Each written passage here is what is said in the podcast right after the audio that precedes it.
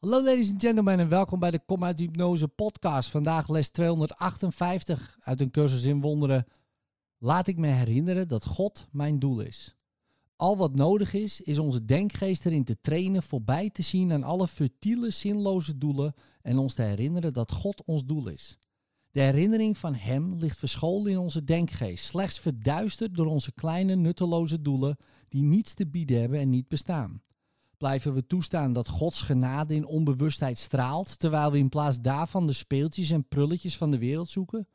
God is ons enig doel, onze enige liefde. We hebben geen ander streven dan ons Hem te herinneren. Ons doel is niets anders dan de weg te volgen die leidt naar U. We hebben geen ander doel. Wat zouden we anders kunnen verlangen dan ons U te herinneren? Wat zouden we anders kunnen zoeken dan onze identiteit?